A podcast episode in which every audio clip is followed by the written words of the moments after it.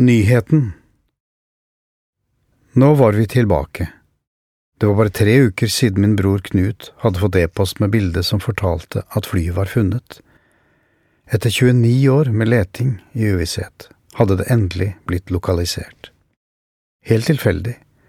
En vanlig dag dukket det bare opp. Noen jegere hadde satt feller like under toppen av et fjell som heter Boami i Molambosi-området i Moenga fylke. Området lå på et fjellplatå 1600 meter over havet, langt fra nærmeste landsby. Urskogen frem til fjellplatået var tett og ufremkommelig og dyrelivet rikt og mangfoldig. Flokker av villsvin, apekatter og villkatter hadde sitt tilholdssted her i skogen. Hauker, ørner og papegøyer og mange andre små fugler i farvesprakende fjærdrakt ropte sine karakteristiske signal, som om det var en samtale på gang der oppe under trekronene. Det var bare jegere som streifet i disse områdene, og bare de som tilhørte Enoks familie, hadde rett til å jakte på dette fjellet. Enok var pastor i Bomboa pinsemenighet, og mannen som fant flyet. Fellene som jegerne lagde, var store, dype graver der dyrene falt oppi. Der holdt de seg gjerne i live i noen dager til jegerne kom tilbake og fikk drept dem. Folk hadde jaktet i dette området i uminnelige tider, men ingen hadde før sett det de fikk se denne dagen. Jegerne skulle tenne et bål og lage litt mat før den lange tilbakemarsjen til landsbyen, og Enok hogg seg en sti nedover fjellsiden. Der dukket det opp noe som ikke hørte hjemme i jungelen. Langsomt gikk det opp for ham at dette kanskje var det flyet alle hadde snakket om siden han selv var en ganske ung mann og ennå bare hadde noen få barn. De ilte tilbake til landsbyen og fikk sendt beskjed til hans bror Michelano, som arbeidet i Selpa, den norske pinsemisjonen i Bokavo.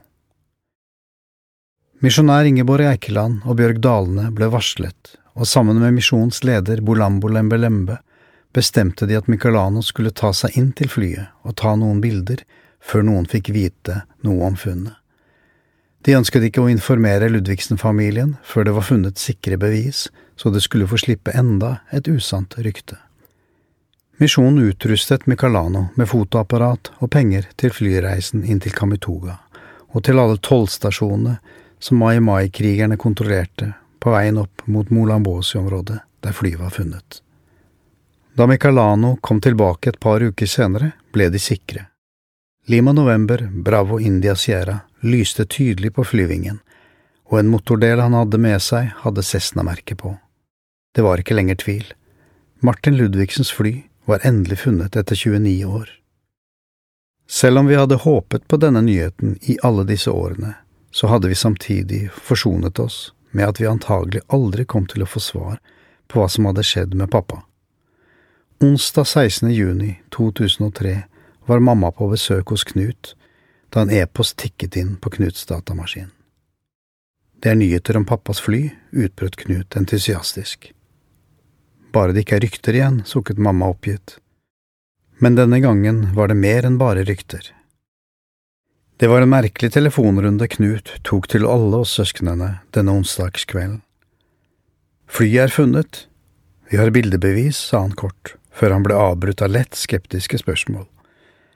Vi hadde blitt skuffet så mange ganger, så alt ble tatt imot med en klype, eller rettere sagt, et lass med salt. Bevisene ilte rundt på e-post til oss alle, og det var en merkelig følelse å åpne e-posten som sakte kom inn på min data den onsdagskvelden.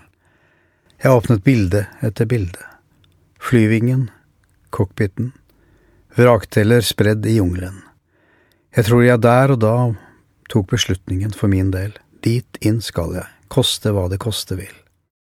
Og raskt ble det bestemt at familien måtte inn og se det, finne ut hva som hadde skjedd, hvorfor, hvor Trond, Oddbjørn og jeg skulle gjennomføre ekspedisjon.